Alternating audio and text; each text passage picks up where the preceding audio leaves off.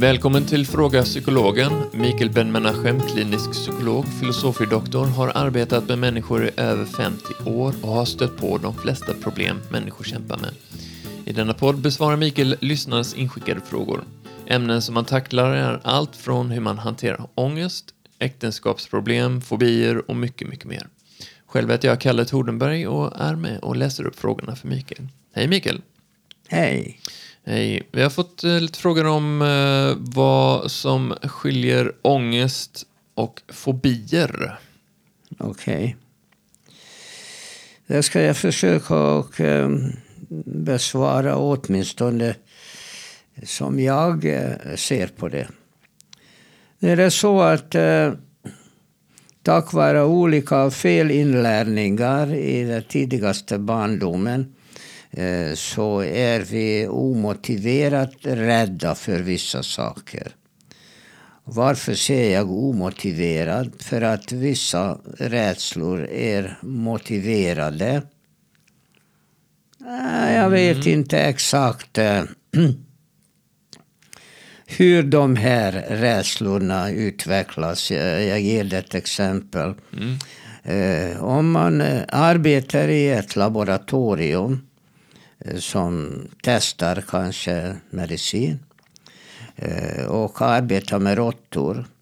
Så då eh, tycker vederbörande som arbetar i laboratoriet att de här råttorna är eh, rätt så gulliga smådjur eh, som hjälper mänskligheten med att utveckla medicin. Mm.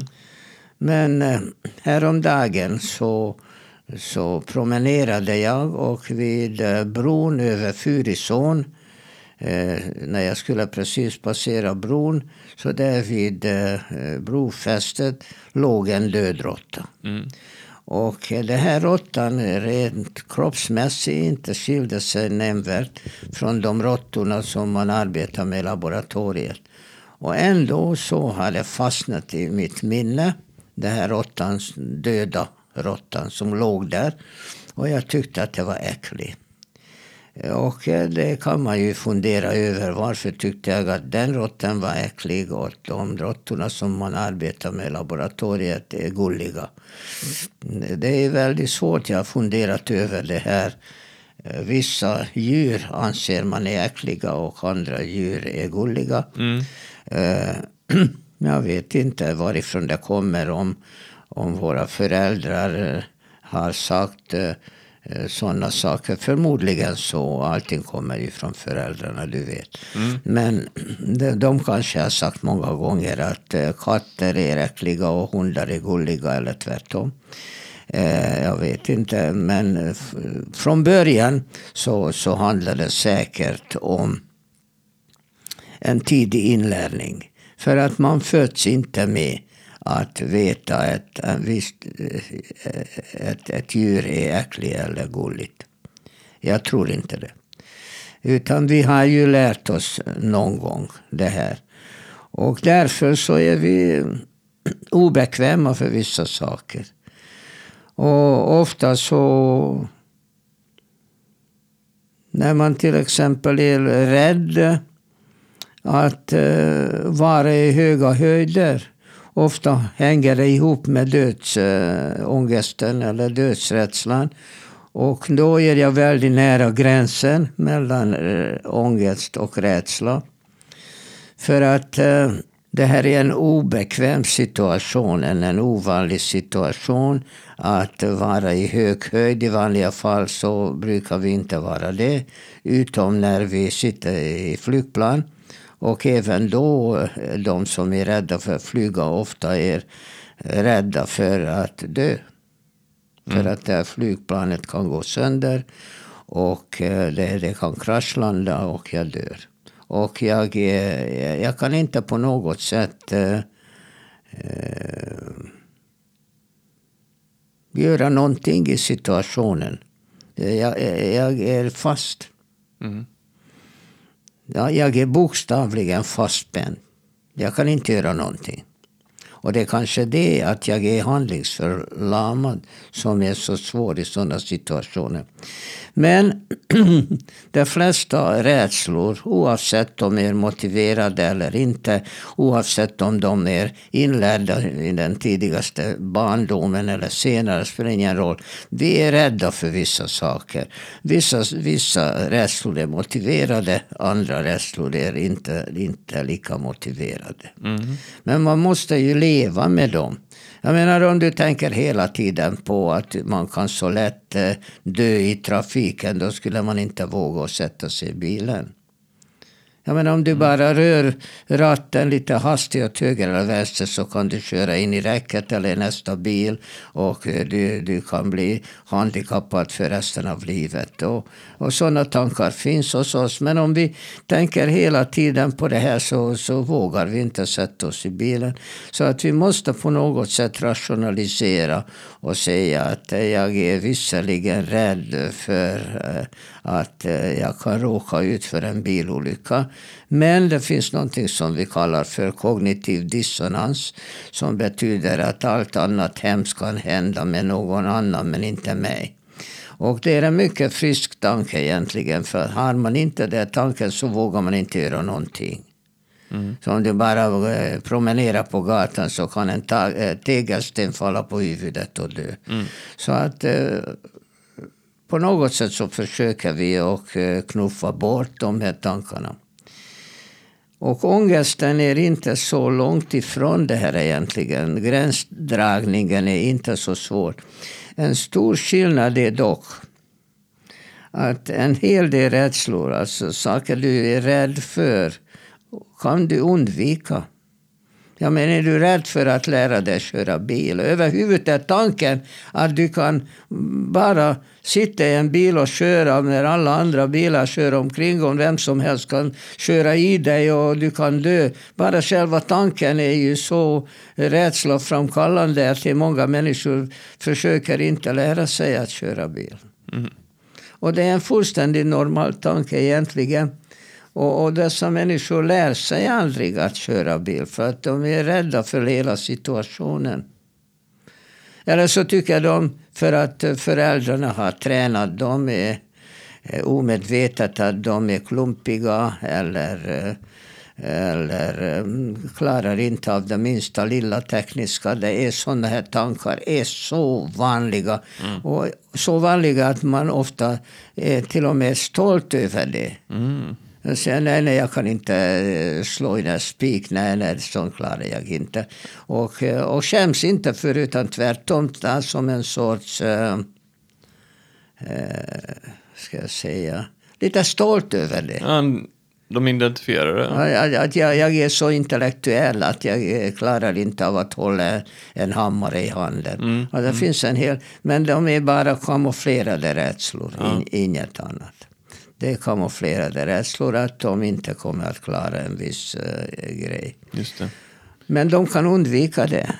Det är det stora skillnaden. Jag menar, att jag från början var rädd för att lära mig köra bil. Ja, det, det, det tänker man rätt ofta på, men eh, knuffar eh, bort. Och förklarar att det är mycket hälsosammare att cykla och så vidare. Sen finns naturligtvis sådana tankar också om cykling. Alltså, samma saker, att jag kan eh, krascha i någonting och det är därför cyklar jag inte och så vidare.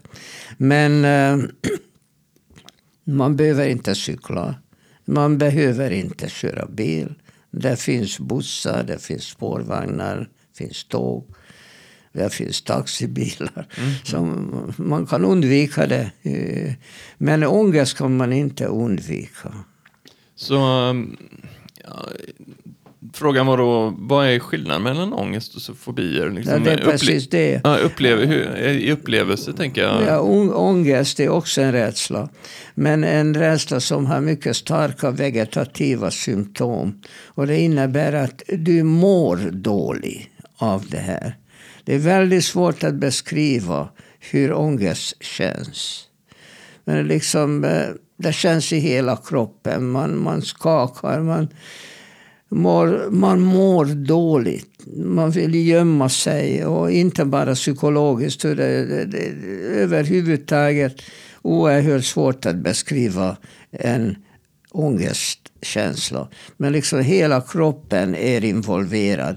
Alltså eh, hela kroppen är rädd. Hela kroppen är rädd för en viss situation eller en, en, en annan människa eller i princip vad som helst. Mm. Och det, är alltså, det känns mera svårare, mycket, mycket svårare att undvika än om du är rädd för eh, någonting och, som du kan undvika.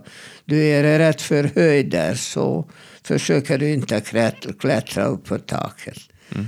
Utan du ber någon som är van vid att, att göra det. Och man kan naturligtvis övervinna sådana rädslor. Men många gånger så tycker man att eh, det är inte värt det. Jag undviker det så har jag inget problem. Men det är mycket svårare att undvika eh, ångest som bara kommer. Och läkare som ofta inte har mer än tio minuter för en patient så brukar ofta fråga patienten eh, varför. Och det kan inte patienten säga. Har ångest? Har jag ångest? Ja, varför? frågar läkaren. Ja, det vet inte patienten. Ingen aning om. Ja, Okej, okay, men vi har eh, mediciner. Ångestdämpande mediciner. Och varför de kallas för ångestdämpande mediciner? För att de dämpar ångest, så det är helt korrekt. Men vad gör de i kroppen så att man inte känner eh, av den här ångesten på samma sätt som tidigare? Att, att, att, att man inte liksom är eh, nerklubbad äh, av det här. Mm. För att äh, de här medicinerna de, de arbetar på nervsystemet och äh, man blir helt enkelt inte lika medveten om det här ångestupplevelsen. Därmed så har man inte löst orsaken till den här ångesten. Så att det är väldigt svårt att tackla ångest enbart psykologiskt. Så att mediciner absolut har en roll i sammanhanget. För att eh, rensa terrängen lite grann. Är man mycket ångest eh, tyngd så kan sådana här ångestdämpande mediciner göra en hel del. Mm att eh, man överhuvudtaget är mera mottaglig för terapin. Men på något sätt eh, så bör man kanske ändå försöka vad det här ångesten representerar. Det är någonting som man inte kan specificera, inte kan sätta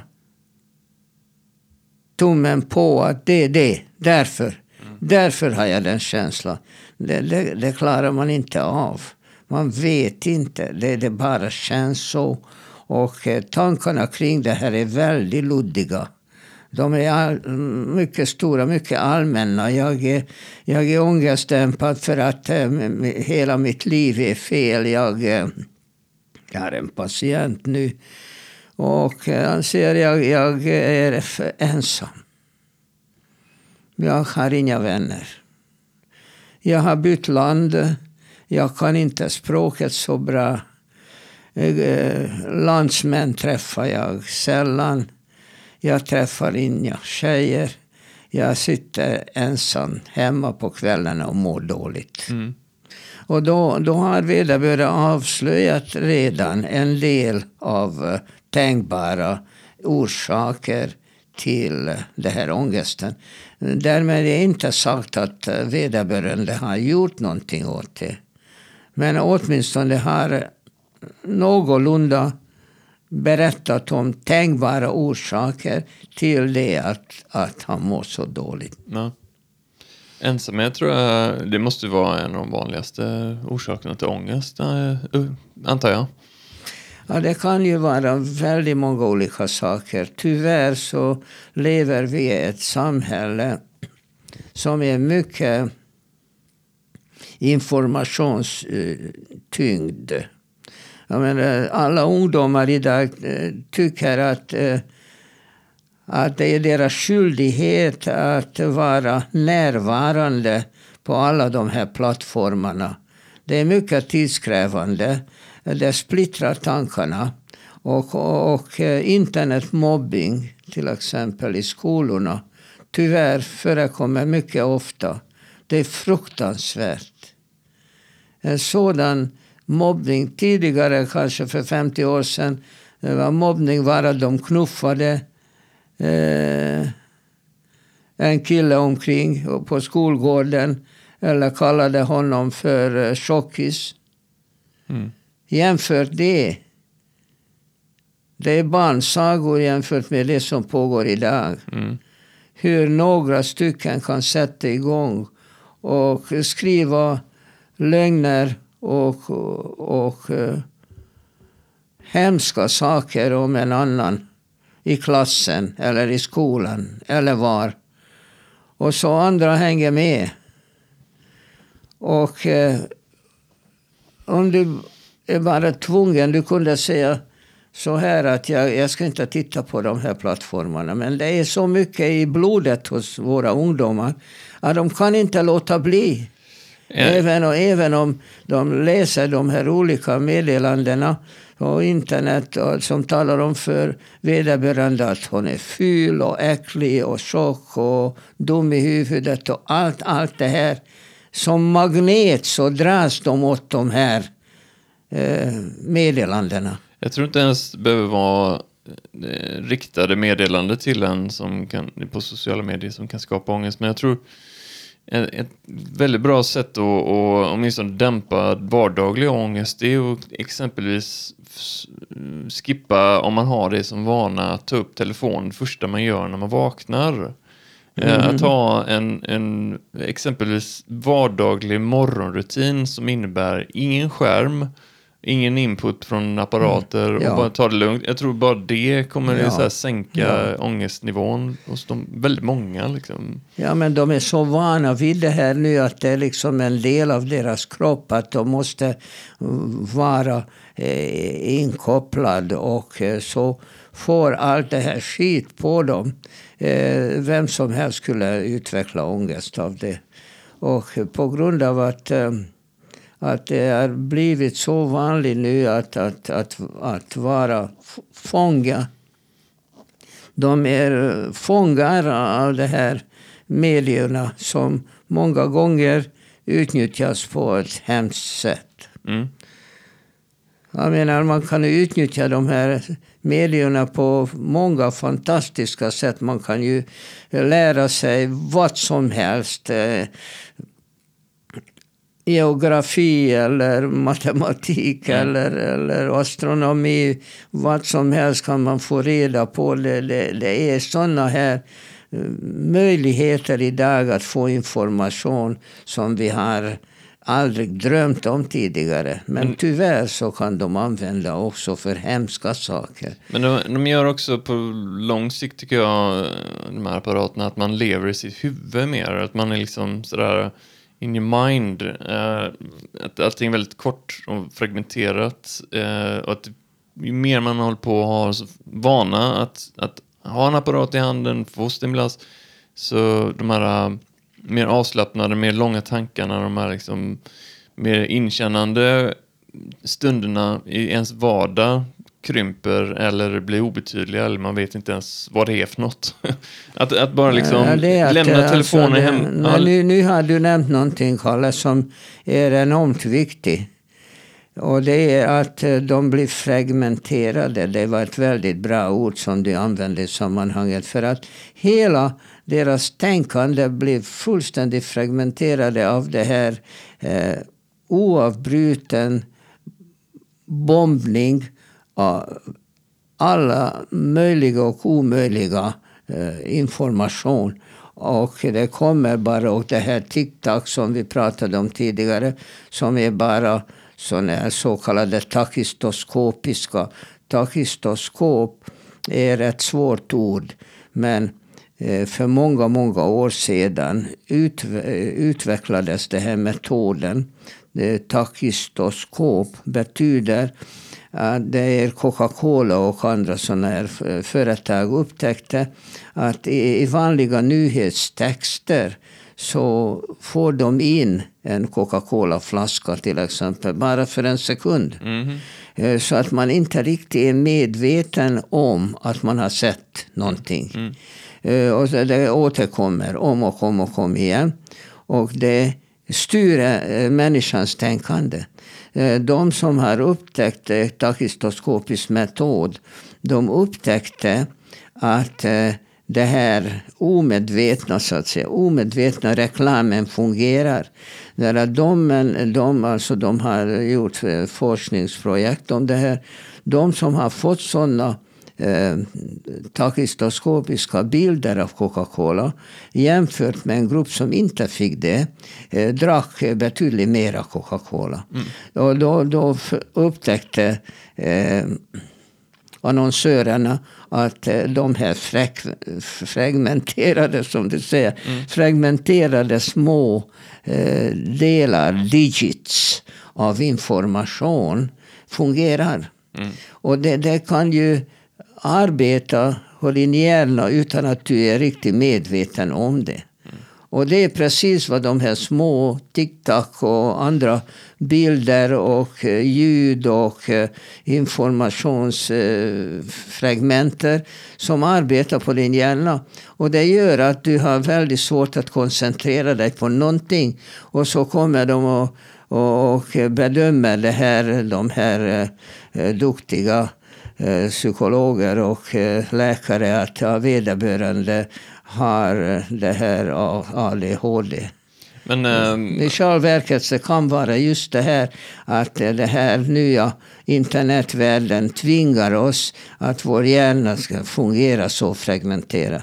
Ja, men det är ju väl investerad tid att lägga ifrån sig de här telefonerna. Och, men det är också när du säger det, hur mycket, inte bara liksom kanske varumärken och symboler och så som, som kan laddas ner, eh, inte bara hos barn men även vuxna, genom den här underhåll, snabba underhållningen, men även attityder, moral eh, och perspektiv och sådär som, som man många gånger kan säkert absorbera utan att ens tänka på det. Ja. Se, hur man ser på världen, hur man ser på människor också sipprar in och det är väldigt sådär vanskligt egentligen att, att låta Ja. små barn exponeras Men det, det har ju gått så långt nu att, eh, att även, även det kan skapa ångest. Om du på något sätt eh, är eh, avstängd från det här enorma flödet Ja, ja, av allt möjligt. Jag vill inte ens kalla det för information. Jag vet inte vad jag ska kalla det för. Ut, intryck kanske. Ja, underhållningsbrandslang. Ja, någonting sånt.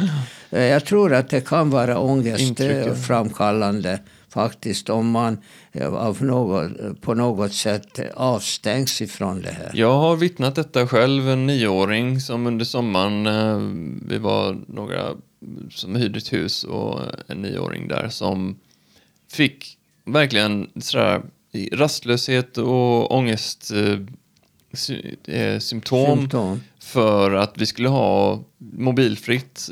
eh, Kanske någon timme på kvällen, men på dagarna. Nu är det sommar, nu är vi, nu är ute på landet, nu har vi det här fina huset, vi har havet här, vi har det och det och det, det vi kan göra utomhus. Men det var ändå så här, "Åh, snälla får jag bara kolla lite liksom. Och det är också kopplat med att eh, den, i det här fallet var det ett barn som hade själv ett konto där hon la upp saker och ville kolla hur det gick, hur många likes de inläggen var, om det är någon som har kommenterat. Du vet, man måste ha den där äh, bekräftelsehitten då. Ja. Ja, det, det påminner mig att vi får också kolla hur många, som, eh, hur många likes vi får på det här resonemanget som du och jag för här, Karl. Ja. Likea oss gärna.